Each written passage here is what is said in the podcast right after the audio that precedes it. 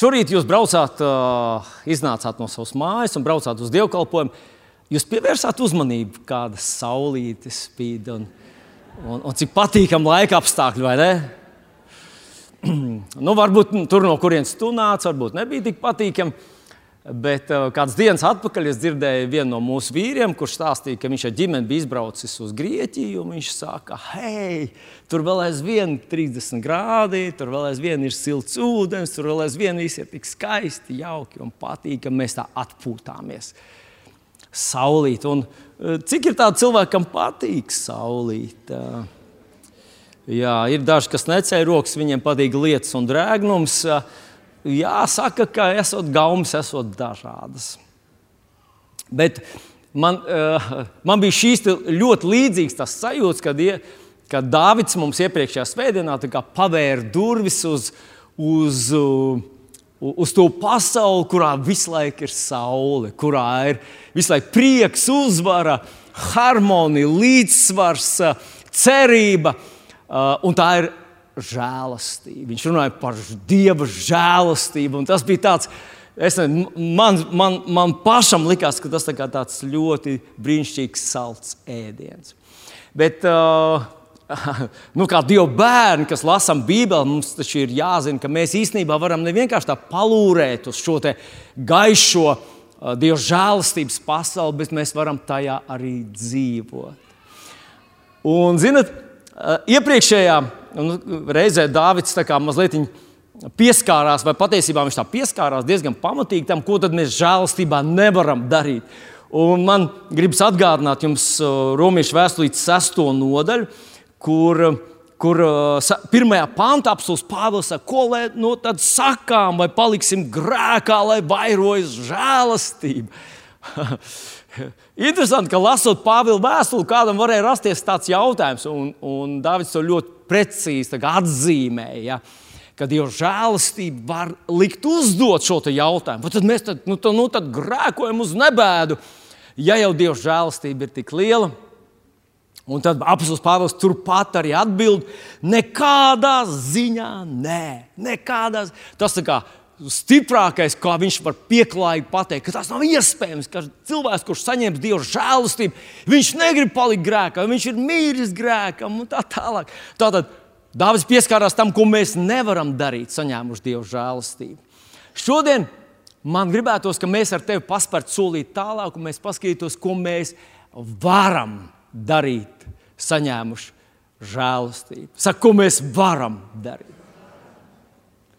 Bet ļaujiet man tomēr vēl mazliet solīt, atkāpties atpakaļ un, un, un tādu mazliet nu, atgādināt jums tādu stereotipu, kuru es esmu drošs, ka tas ir arī kaut kur, kaut kur arī tavā dvēselītē ir ierakstīts un nav pilnībā izdzisis. Un tas ir, ka žēlastība tas ir kaut kas tāds, nu, kaut kas tāds, nu, kaut kas tāds nu, niecīgs. Nu, ja tu runā ar kādu cilvēku un tu jautā viņam, nu, kā tev klājas, un viņš saka, nu, tā, nu, no, no žēlstības. Vai tu kādam jautā, nu, kā tev vieta, un viņš saka, es dzīvoju no žēlstības dāvanām.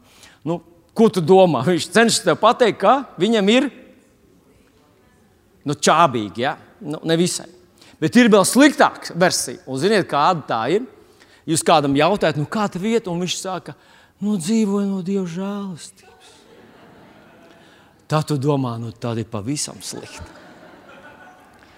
Un, un tas, tas mūsos ir tas, nu, tas, tas stereotipiskais, kas ir. Es domāju, ka tas ir visiem un iespējams, iespējams ka tieši dievam ticīgiem cilvēkiem tas ir jo īpaši tā.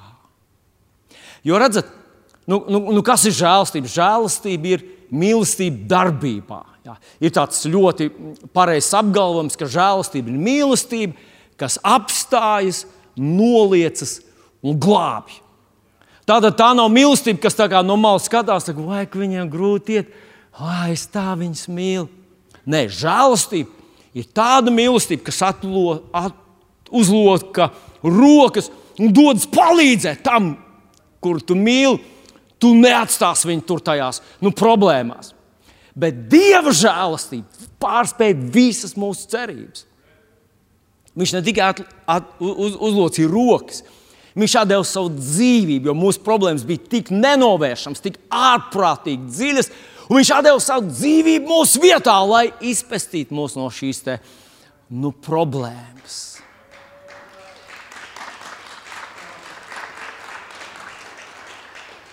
Bet tagad skaties, ja šos divas lietas, šo patiesību par Dieva žēlastību, tādu radikālu, aktīvu, darbīgu žēlastību, saliekam kopā ar šo stereotipu, nu, ka žēlastība ir kaut kas tāds, tomēr, nu, tāds, nu, tāds nu, nu, tā, ka, ka, ka, ka, ka, ka, ka, ka, ka, ka var izdzīvot, nu, kaut kāds tāds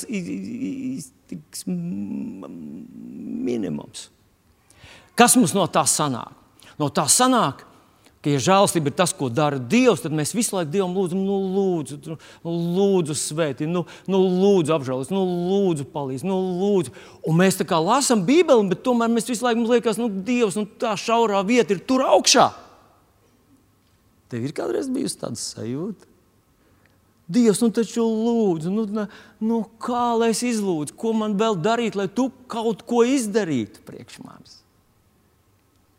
Un man tas atgādina, ziniet, nu, tādu uh, cilvēku, arī, kurš nesaprot, kur ir viņa problēma. Un tāds cilvēks vienreiz autobusu šofers, autobusu šofers aiziet pie doktora. Mums saka, doktor, palīdziet, lūdzu, man ar krāpš, krāpšanu, ne krāpšanu. Ar to viņam nevajadzēja palīdzēt. viņam vajadzēja palīdzību ar krāpšanu. Un viņš saka, pasažieri psiho. Nu, Viņš nesaprata, kur viņam vajag palīdzību. Man, liek, man liekas, ja pie manis aizbūtu doktors un pie manis atnāk autobusu šofers un teikt, ziniet, es sāku krākt un pasažieru psiho. Es teiktu, tev vajag citur kaut kur palīdzību. Ne krāpšana nav problēma, ir cits kaut kas. Un, manuprāt, tieši tāpat ir ar mums ticīgiem, kad mēs sakām, Dievs, Dievs, Dievs, nu, taču lūdzu, es tev visu mūžu lūdzu. Nu, šajā nedēļā es uzzvanīju vienam no saviem sēniem, draugiem, mācītājiem. Un es biju nu, dzirdējis, ka viņš tur kalpoja vienā citā draudzē, un es, un es viņam saku, tā, es saku, o, tu biji tajā un tajā draudzē, un tu tur taisīji atmodu, vai ne? Un viņš man saka, atmodu ir dieva ziņā.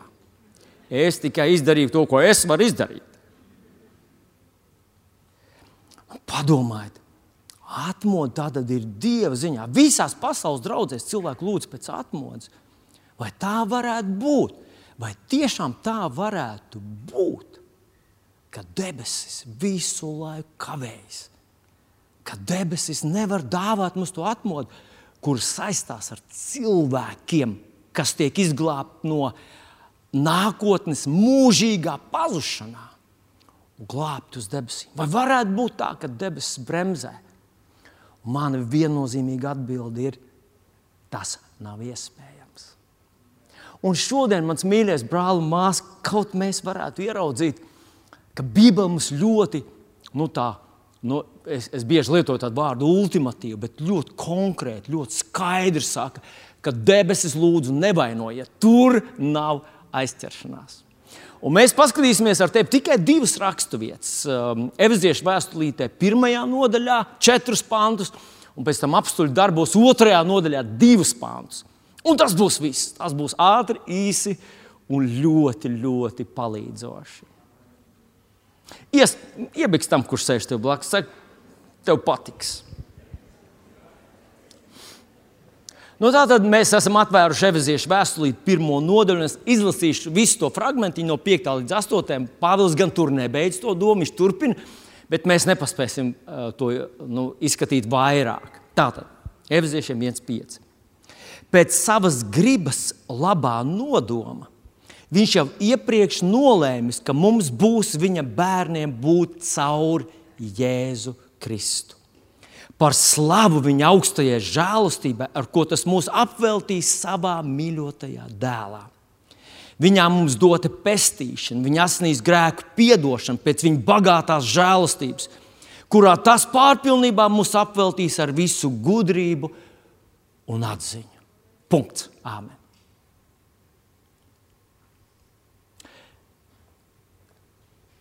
Ziniet, es Bībeli lasu visu savu mūžu. Nu, lielāko daļu savu mūžu lasu Bībeli.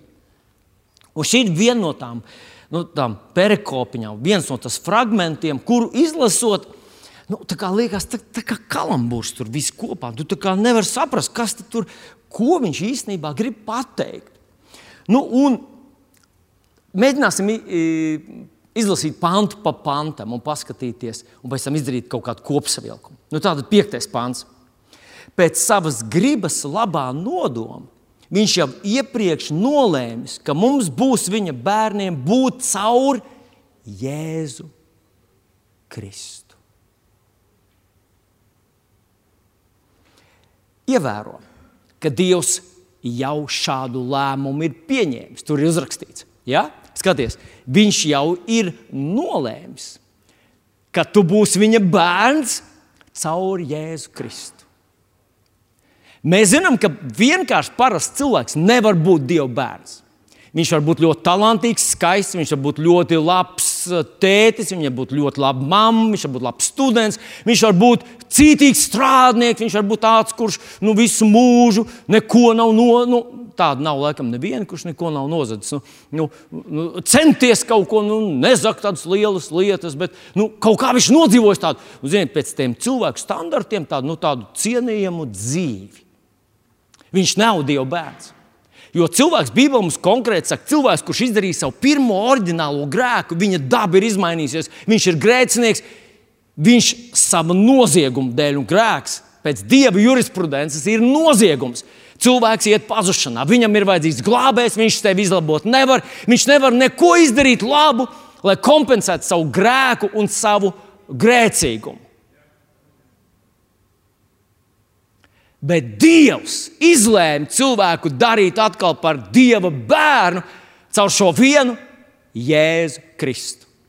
Absolūti darbos 4.12. rakstīts, nav pestīšanas nevienā citā, nav nevienas pasaules reliģijas, nav nevienas filozofijas, nav nevienas metodas, nav nekādu līdzekļu.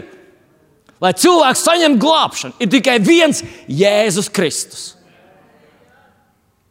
Bet ievēro, ka Dievs jau ir izlēmis, ka tie, kas pieņems Jēzu Kristu, caur Jēzu Kristu, kļūs par viņa bērniem. Tas nav kaut kas, ko viņš gatavojas darīt, tas nav kaut kas, ko viņš uh, domā, ilgojas darīt. Viņš to jau ir nolēmis. Lasām nākamo pantu, sesto. Par slavu viņa augstajai žēlastībai, ar ko tas mūs apveltīs savā mīļotajā dēlā. Nu, Latvijas tekstā varbūt neatsakās pilnīgi, bet ļoti konkrēti dot tādu mājienu ka Dievs tos cilvēkus, kurus viņš ir iepriekš jau nolēmis padarīt par saviem bērniem, caur Jēzu Kristu, viņš viņus apveltīs ar augsto žēlastību. Bet ievērok, ar ko sākās šis pāns, par slavu viņa augstajai žēlastībai. Tā tad tā nav tāda žēlastība. Nu, tāda tā kā nu, pavisam pagalam jūs nesat. Tas tā kā tur redz, ka kāds slīkst, tu viņu paņem aiz čupru un izvelc līdz seklumam, un tad es tevi izglābu. Tas nav tas, tā būtu žēlastība, bet tā nebūtu augstā žēlastība. Augstā žēlastība ir kaut kas tāds, ko mēs nu, tā, ar grūtībām spējam aptvert, bet viņš te nobeidz šo te tādu, kādu viņš parādīs savā mīļotajā dēlā. Faktiski Dievs mums cenšas pateikt to, ko Cefanija grāmatā, 3. nodaļā, 17. pantā, pravietis Cefanijas saka. Un tur viņš saka tādus vārdus ka Dievs priecājas par tevi. Viņš skaļi izpauž savu prieku. Viņš eh, būs pret tevi mīļš. Un, nu, nu, tā doma, tā doma, ka Dievs nevienkārši piedeva tavus grēkus. Ne vienkārši labi vairs nedusmojas uz tevi. Nu, labi, labi, labi. Viņš tagad, nu, tagad, jā, jā, jā, jā, Jēzus, jā, jā, Jēzus, jā, Dievs tagad, nu, viņš nav, tevi neapdraud vairs. Bet tā doma ir tāda, ka Dievam tu patīc, kad viņš priecājas par tevi. Viņš skatās uz tevi, un tu viņam šķieti simpātisks. Un te mēs uzreiz uztaisām savu mīļāko čūmīti. Nu, jā, arī dažiem, dažiem cilvēkiem es arī patīku man pašam. Nē, nē, nē, tas nav tāpēc, ka tu esi ļoti jauks vai mīlīgs vai mīļš. Tas ir tāpēc, ka Dievs ir mīlestība un ka Viņš kompensē visu to milzīgo mūsu mīnusu. Viņš kompensē ar savu gigantisko plusu. Tāpēc, tāpēc tā augstā žēl, viņš mūs ir apveltījis. Viņš mūs ir apveltījis ar šo augsto žēlastību savā mīļotajā dēlā.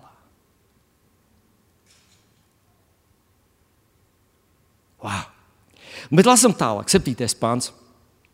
Viņa mums dota pestīšana, viņa asinīs grēku piedošana pēc viņa bagātās žēlastības, augstā žēlastība, bagātā žēlastība. Tur Dieva žēlastība apzīmēta ar visādiem tādiem interesantiem izteikumiem, kas, kas nu, kā, cenšas mums tā vienreiz pa visām reizēm iegalvot, ka tā nav kaut kāda maz, mazītiņa, tāda, nu, tāda drupatiņa, tā nav kaut kāda tāda, nu, tāda te, te, te, te asariņa.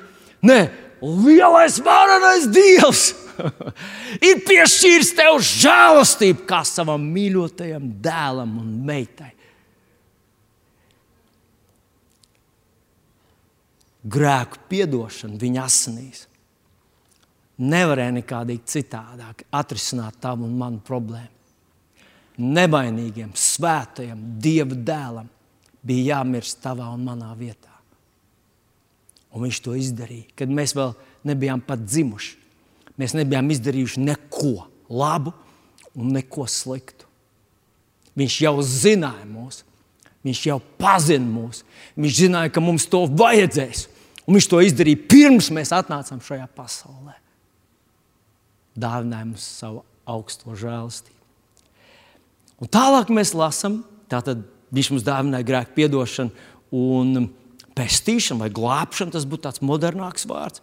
Un tad astotais pāns, kurš ir mūsu apskatāmais pēdējais pāns, kurā tas pārpilnībā mūs apveltīs ar visu gudrību un atziņu. Tagad tajā lielajā, augstajā, bagātajā žēlstībā viņš mūs apveltīs ar visu gudrību un visu atziņu. Un, te varētu diezgan daudz runāt par šo tēmu. Bet es mazu tādu, nu, tā tādu formuliņu pateikšu. Iedomājieties šīs pasaules neticīgu cilvēku, kurš atraidīs Jēzu, kuram viss dzīvē ir izdevies. Nu, viņš ir skaists, viņš ir populārs, bagāts, viņam viss padodas, viņš ir visu, ko vien viens cilvēks var sasniegt. Viņš to ir sasniedzis, bet viņam nav Jēzus Kristus. Kāda ir viņa visas tas sasniegumu, nu, sausais atlikums?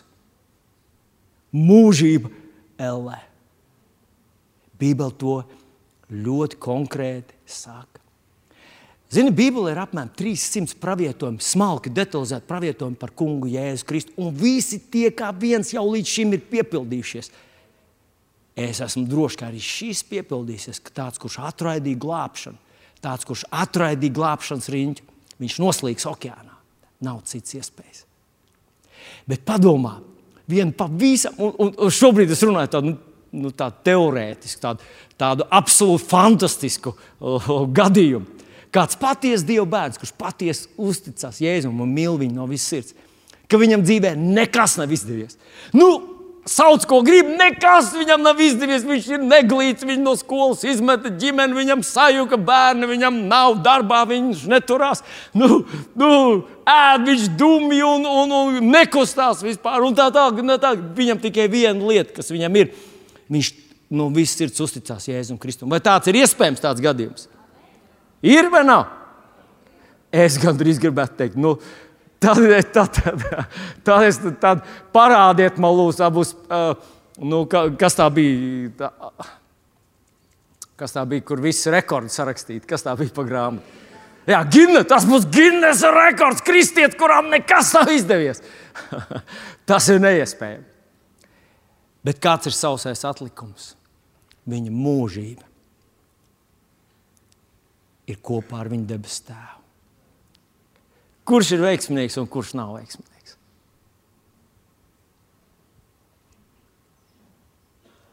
Es zinu, ka tu zini atlikumu, a, a, to atbildi. Nu, mēģināsim vēlreiz, saliksim visu uz vienu slaidiņu, kopā un paskatīsimies. Tad vispirms viņš nolēma, ka mēs būsim viņa bērni caur Jēzu Kristu. Viņš ir apveltījis mūs ar augsto žēlastību, savā, kā savā mīļajā dēlā. Viņš mums ir devis pestīšanu un grēku piedošanu. Jau devis. Tas nav kaut kas, ko viņš solīja kaut kad, ja tu labi uzrādīji, ja tu būsi cītīgs, ja tev būs labi rezultāti. Tur rakstīs, viņš jau devis, viņām mums devis pestīšanu, grēku piedošanu, pestīšanu, ietver sevi dziedināšanu, līdzsvaru, harmoniju, stiprinājumu. Tajos brīžos, kad tu jūties viens, nodots, pamests, kad viss pasaule ir pret tevi, Dievs ir ar tevi. Un, ja Dievs ir ar tevi, tu esi vairākumā. Bībelē ir daudz tādu gadījumu, kad pūlis ir pret vienu Dievu bērnu. Viņš vienmēr izgājis ārā uzvarā. Tātad viņš ir devis pestīšanu un grēku piedošanu un apveltījis ar gudrību un atziņu. Bagātīgi apveltījis ar visu gudrību un atziņu. Paskatiet, ka tā ir tāda pieticīga, tāda nu, kaut kāda tāda, nu, tāda, nu, nu, nu, nu, nu, tāda drupatiņa. Un man šķita ļoti laba ilustrācija. Ziniet, kāda? Vecajā darbā Dievs uzrunā Abrahāmu saka, viņam, skaties, zvaigznēs, tik daudz būs tev pēcnācēji. Tas bija Dieva apsolījums, es tevi svētīšu, un tik daudz būs tev pēcnācēji. Un Abrahāms pacēla savu sācis un skatās debesīs. Nu, vai tu arī kādreiz skatījies debesīs? Ko pats rokas, kas ir skatījies? Jā. Un, un mēs kā zvaigžņi pazinējām, vai ne? Tur jau oh, oh, lielais lācis, rekords 1, 2, 3, 4, 5. Jā. Oh, nē, tur ir lielais, lielais lācis, 1, 2, 3, 4, 5. Un kas tas bija? Tas vairs nav tur, tur, tur vairs nav. Nu, nu, nu, mēs esam eksperti zvaigznēs, vai ne? Nu, bet toreiz es ticu, ka Abrahams nu, tā metodiski pievērsās, jo Dievs viņam teica, un viņš varēja saskaitīt kaut kādas zvaigznes. Viņš domā, wow, jā, jā, jā, jā, jā, jā, jā Dievs man svētīs. Un, ziniet, man liekas, tas ir līdzīgi, ka Dievs šodien mēs skatāmies uz viņa žēlastību, un mēs ar tevi sakām, jā, Dieva žēlastības ir kaut kas liels, jā, jā, jā, jā. jā, jā. Bet mēs, mums nav vispār koncepcijas par to, cik patiesībā bagāta, liela un apbrīnojama ir šī žēlastība. Un es gribu tās pašas zvaigznes, kurām Abrahams skatījās, es gribu parādīt tev vienu mazu kvadrātiņu no zvaigžņu pulka. Un tas ir Hubble teleskops. Tas ir tas, kurš ir aizsūtīts tagad kosmosā, kurš kaut kur kosmosā fotografē zvaigznes.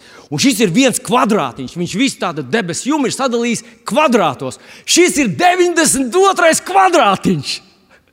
92. kvadrātiņā tas ir M92. Lodveida zvaigžņu kopa. Tātad tas ir piena ceļā. Šajā fotografijā. Kā tu domā, cik tur ir zvaigznes? 330 tūkstoši zvaigznes. Abrahamam nebija nekādas sajēgas, par ko Dievs runā. Un tas ir ļoti līdzīgi, kā mēs ar tevi arī lasām to Bībeli. Saka, viņš mūs bagātīgi svētī, viņš mūs augsto žēlastību piešķīrs, kā savā mīļotajā dēlā. Un mēs Jā, jā, jā, jā, jā es saprotu, lielais lācis, mazais lācis, un kas vēl te ir? ah, tas ir satelīts, aizlido. Nu, kur tad ir tas? Pats! Dievs atver mūsu acis, jāsaka, kā Pāvils saka, apgaismo mūsu garāts, lai mēs varam ieraudzīt to bagātību, to žēlastību, to dziļumu, to spēku, to apsolījumu mērogu, kā tu esi. Mums vienkāršiem cilvēciņiem devis. Jā, mēs varam dot aplausu tam kungam.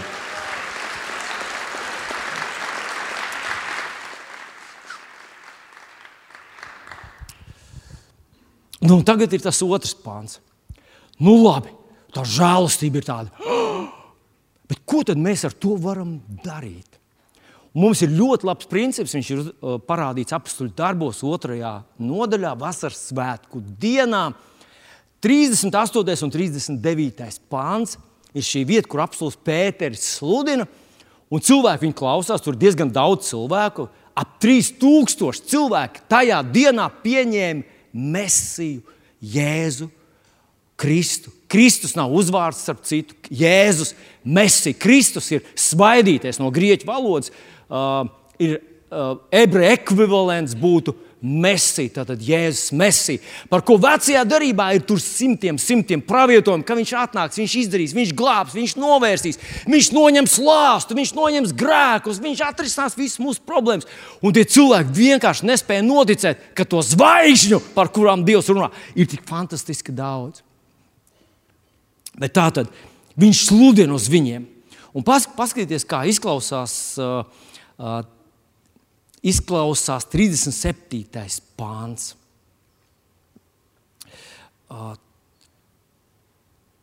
Tātad, kad viņi visu to dzirdēja, jā, šie vārdi sāpīgi ķēra viņu sirdis. Tātad visi tie, kas klausījās Pētera spredi.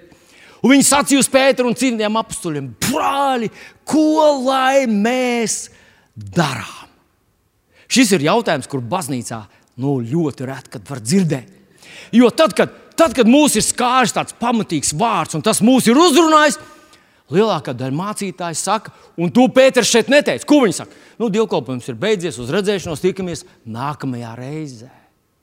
Vai pārdomājat par to? Ah, tagad jūs jūtat uzredzēšanos. Nē, apelsīns Pēters tā nesaka. Viņš saka, nu, ko, ko lai mēs darām? Un tad viņš saka viņiem, ko lai viņi dara. Un tas ir nākošais pants, tas ir 38. pants. Un 38. pantā mūsu revidētais teksts saka šādus vārdus: paklausieties, atgriezieties no grēkiem, liecieties kristīties ik viens Jēzus Kristus vārdā, lai jūs dabūtu grēku piedošanu un saņemtu svētā gara dāvanu. Nu, sāksim no beigām. Vispirms, jā, jā, jā bet tā, tā nav šī, šī vietiņa. Labi, apstāsimies te. Tātad. Atgriezieties no grēkiem, dariet kaut ko, atgriezieties no grēkiem, liecieties, kristīties ik viens Jēzus Kristus vārdā, lai jūs dabūtu grēku piedošanu un saņemtu svētā gara dāvanu. Un šeit man, man vajag druskuļi tavas pacietības, mīļais draugs. Es lūdzu, lai tu pasako līdzi, un es gribu mazliet ar tevi nu, pakomentēt, ko mēs te lasām. Vispirms atgriezieties no grēkiem. Latviešu Bībele ir vienīgā. Nu, es nevaru teikt, ka simtām Bībeles es pāršķirstīju, bet kā 4, 5 es pāršķiru angļu valodas, krievu valodas Bībeles. Um, šī ir latviešu valodā ir vienīgā, kur uzrakstīts šis vārdiņš - atgriezieties no grēkiem. Un tas kā nu, Bībeles tulkotāji un, un, un redaktori domā, nu, ko latviešu cilvēks viņš nezina, no kā viņam atgriezties. Viņam jābūt no grēkiem atgriezties. Un bez šaubām, bez šaubām atgriešanās no grēkiem ir daļa no procesa. Jā, jo grēks čakarē, piedodiet par tādu ne, nepareizu vārdu, čakarē cilvēka dzīvi, visu dzīvi. Sākot ar viņu smadzenēm, veselību, viņu ģimeni, viņu darbu, visu grēks, bojā sabiedrību, grēks bojā valsti, grēks bojā visu, kas cilvēkam ir. Un normāls grēks nav gudrs. Grēks ir absolūti emocionāla izvēle, un, un tam ir ļoti smagas sekas. Bet ko tad viņš faktiski Pēters saka? Redziet, ja mēs palasām iepriekš, un 37. pantā viņš nobeidz ar to, ka viņš, nu, tur tas garāks tas teksts, bet Pēters piesauc visus argumentus, kas ir par Jēzu. Vispirms, visi tie, tie 300 uh, pravietojumi par Jēzu, kas šo cilvēku acu priekšā piepildījās. Viņš nāca no Betlēmas, viņš darīja to, viņš tur piepildīja atkal un atkal, ik pa laikam, visur, kur kad tu lasi evanģēlijas, visur tu atradīsi, ka uzrakstīts tā, kā pravietis jau sacīja, tā kā pravietis jau sacīja. Tas ir visu laiku pavadījis Jēzus darbības. Viņš visu, katrs viņa solis piepildīja kādu pravietojumu. Otra lieta, ko viņš saka, vai jūs neatceraties visus tos darbus, ko viņš darīja? Atcerieties, viņš uzcēla lāceru no nāves. Viņš tur tik daudzus dziedināja. Faktiski mēs redzējām, ka viņš mūsu acu priekšā dara šos brīnumu darbus, un cilvēki vienkārši izvēlējās neticēt. Ja cilvēks negrib ticēt, tu viņu nepiespiedīsi ticēt. Pat Dievs nepiespied. Nevar piespiest vienu cilvēku, kurš saka, oh, es neticu. Un viss. Un Dievs neielauzīsies viņa dvēselē, neizgriezīs viņam rokas, neizņems čipu no viņa galvas un neiebāzīs tur savu iekšā. Cilvēkiem ir tiesības pieņemt savu lēmumu, pat ja viņš dzird šos argumentus. Un Pāvils Pēters visus to saka viņiem. Un tad viņš saka, bet jūs esat Viņu atraidījāt ar noziedznieku roku, jūs viņu piesitāt krustā. Tā beidzās viņas predikts. Un tad viņi saka, Dievs, ko mēs izdarījām? Mēs atraidījām Mēsiju, kurš nāca mūs izglābt. Un tāpēc viņš saka, faktiski viņš te saka, pagriezieties pretējā virzienā. Pietiktu ar apgriezieties. Bet, ziniet, tas ir tas, ko daļa kristiešu visu dzīvi arī dara. Viņi visu laiku griežas pie Dieva, un pēc tam atkal grēko, un atkal pie Dieva. Viņa apstājas pie šī panta, un tāpēc nu, ir ļoti svarīgi, ka tu vienreiz gāji prom no Dieva, ka tu pagriezies pa 180 grādiem, tagad pretējā virzienā, tu viņu atraidīji, tagad tu viņu pieņem. Tā kā tur mierīgi var likt, likt vienkārši vārdiņu, apgriezies, vai atgriezies, vai pagriezies pretējā virzienā. Tagad skaties tālāk. Atgriezieties no grēkiem un liecieties kristīties ik viens Jēzus Kristus vārdā, lai jūs dabūtu grēku piedošanu. Nu, šeit tas, ko mēs lasām, kā lai jūs dabūtu, ir grieķu tekstā ir vārdiņš eis.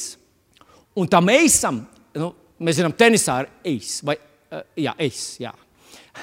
Jūs zināt, kas ir reizes, bet, bet tas, tas nav tas eis. Jā. Šis ir cits, šis no grieķu teksta, un tur tas lietots vārdiņš eis. Tam eisam ir četras nozīmes. Tātad šim te, kas mums ir pārtulkots, lai jūs dabūtu grēku piedošanu, viņam ir četras nozīmes. Un tās nozīmes ir tādas. Tāpēc, kā rezultātā, kopš tā laika, un tad ir tā ceturtā nozīme, lai iegūtu. Respektīvi, ko mēs varam izsvecināt no tā? Viņš saka, atgriezieties, tātad jūs atraidījāt, tagad pieņēmāt jēzu par savu kungu. Tad viņš saka, tāpēc, un liekaties kristīties, tāpēc, ka esat dabūjuši grēku piedošanu. Vai atgriezieties un liekaties kristīties, grēku, kristība kā grēku piedošanas rezultāts. Vai kopš tā laika, kopš jums ir piedoti grēki, jūs varat tikt kristīti Un tad ceturtā ir tā, kas mums ir iedod, lai jūs dabūtu grēku piedošanu. Nu, protams, kad uh, prasītos pēc tāda garāka komentāra, un man viņš ir. Es esmu par to nu, ļoti pārliecināts. Marka 16. nodaļā mēs lasām, mēs lasām vēl druskuļi tālāk, ka cilvēks tiek glābts nevis kristībā. Kristība ir kā sekas. Tas ir pirmais solis, kur cilvēks spēr pēc tam, kad viņš ir pieņēmis jēzu par savu kungu, viņa grēki ir piedot, viņš ir ticis glābts. Un tad viņš dodas kristīties, viņš pasludina to visai pasaulē, viņš izdara fizisku darbību, kas ir kā sekas garīgai darbībai vai garīgai patiesībai. Bet, mīļais draugs, paskatieties, kā izskatītos šis pāns, ja mēs to saliktu nu, tā kā, tādā rediģētā, koriģētā versijā. Un tas izskatītos tā: atgriezies, li, atgriezieties, liecieties, kristīties Jēzus Kristus vārdā, jo grēki jums ir piedoti un saņemiet svēto garu. Vilni, tu izlasīji to pašu, nu, ko tu gribi, lai mēs darām? Vispirms es gribu, lai tu ieraugi, ka ir kaut kas jādara. No tā, ka tu nosēdi dievkalpojumu un neko nedari, Gala, uh, Jānis 2,20 saka, vai tu gribi zināt, tukšs cilvēks, ka ticība bez darbiem ir nedzīva. Es jau esmu to stāstījis, kad mēs šobrīd sēžam nēkā, bet kādreiz šeit bija nu, tāds pamesta pusuzcelta pamati, kuros bija ūdens, bumbu patvērsme, kur apakšā bija katastrofa, tur bija ūdens apmēram līdz, līdz pat uh, nu, līdz vīriešu lieliem, kaut kur līdz šai vietiņai. Un, un tad mēs lūdzām Dievu, kā mēs varam kaut ko darīt. Un tad vienā dienā mēs izīrējām vienu traktoru, un tas traktors sāka ārdīt. Man, man liekas, ka tas bija Mārtiņš Laudams, kas sēdēja tajā traktorā, reku Mārtiņš te sēž. Un sāka ar tādu atskaldāmu lielu mehānisku āmuru, sāka daudzīt tur tās daļas, kas mums nav vajadzīgas. Un zinat, ko es izgāju tajā būvlaukumā ārā, Un es burtiski jūtu, ka atmosfēra ir pilnīgi izmainījusies. Ja pirms tam tā bija tāds sastingums, ziniet, nu, kad, kad nekas nenotiek. Mēs saucam Dievu, Dievu, Dievu. Tā kā, tā kā mēs to žēlstību, Dievs, nu dari kaut ko, dari kaut ko, dari kaut ko. Un tad mēs sākām uz tā vārda pamata, mēs sākām kaut ko darīt. Un tā atmosfēra momentāli izmainījās. Un tas ir tas, par ko viņš te saka, mīļie draugi, tā kā jums grēki ir piedoti. Un to mēs nevaram redzēt. Tas ir tas, ko mēs tikko lasījām 7. pantā, Eviziešiem 1,7. Jo viņā jums dod pestīšanu un grēku piedošanu. Mēs nevaram to pārbaudīt. Mēs neesam redzējuši, kā tas mūsu grēku saraksts ir iznīcināts. Bet mēs zinām, ka tas tā ir. Kā mēs zinām, mēs ticam viņam, vai ne?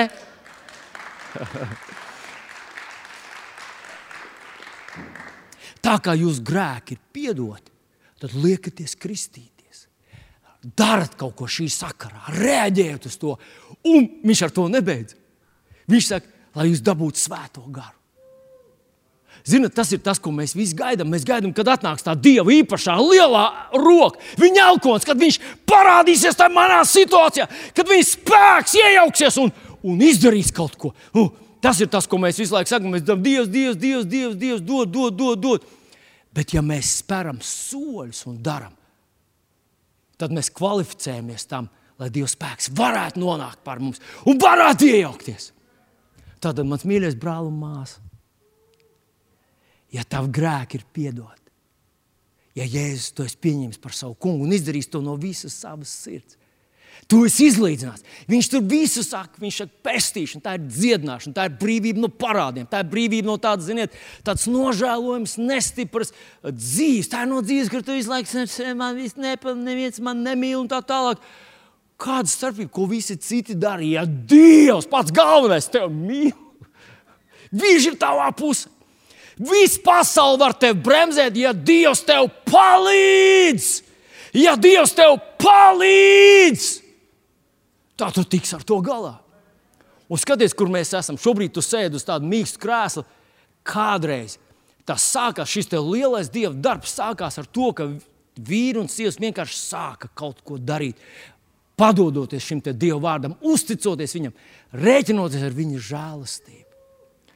Ziniet, draudzē būtu jābūt vietai, kur, kur mēs pēc dievkalpojuma reaģējam. Mēs kaut ko darām, mēs sākam pateikties Dievam, jā, paldies Tev, ka Tu esi ar maniem, ka tajā manā situācijā, kurā mēs esam, un paklausies.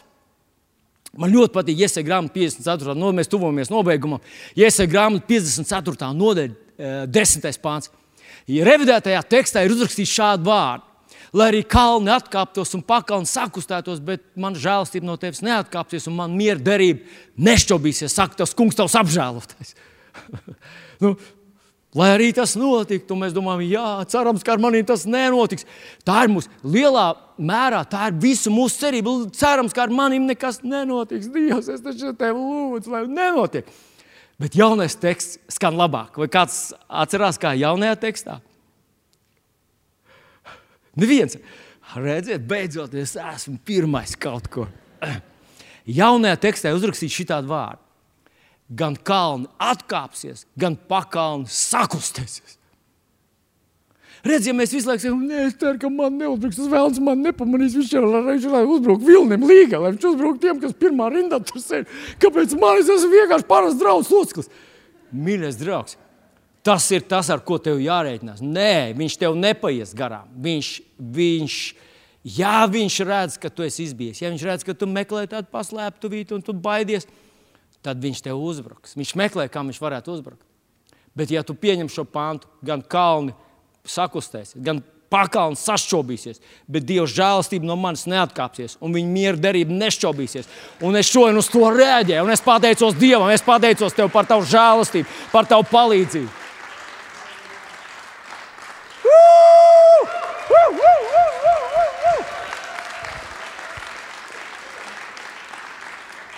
Ka, kad mēs lasām Bībelē, mēs lasām, ka Jēzus tur dziedināja daudz. Tur bija, tur bija kāds skraidīja, kāds tur vingroja, kāds atspiedās, kāds pumpējās, kāds pietupiens taisīja, kāds vienkārši nu, cilvēki, cilvēki saprata. Es ticu, ka viņi saprata toreiz, ka lai tā žēlastība aktivizētos manā dzīvē, man uz to ticībā jārīkojas. Un tad kaut, kād, kaut kādā mirklī, tas gan ir Dieva ziņā, kurā mirklī Pū! Dieva svētais gars, brīnumainais, brīnišķīgais Dieva svētais gars. Mans mīļais brāl un māsas, es nezinu, kur tu esi šobrīd un kas ar tevi notiek. Bet es zinu, ka Dievs to bija savā žēlstībā jau paredzējis. Viņš to izdarīja pirms tu piedzimi, pirms tu saslimi, pirms tu nonāci finansiāli grūtā vietā, pirms tu nonāci viens pats izolēts no visiem saviem draugiem, pirms no tevis novērsās, pirms tu savu, pazaudēji savu darbu vietu, pirms tu nonāci kaut kādās neapskaužamās situācijās. Dievs to jau zināja, un Viņš savā žēlstībā, savā augstajā, brīnumajā, lielajā žēlstībā tev to piešķīra. Tu jautā, ko man darīt? Ko, man, ko vil man darīt? Es tev ieteiktu, piecelies un vienkārši pats saki, Dievam, kungs, es pateicos, ka tu to izdarīji. Pateicos, ka tu to atrisināji. Pateicos, ka man grēki ir piedoti. Pateicos, ka tu paņēmi manas sērgas. Pateicos, ka tu paņēmi manas depresijas. Pateicos, ka paņēmi man nespēku, manas bailes. Tu paņēmi visu manu bezcerību, visu manas neveiksmi, visu to melno strīpu. Tu paņēmi prom.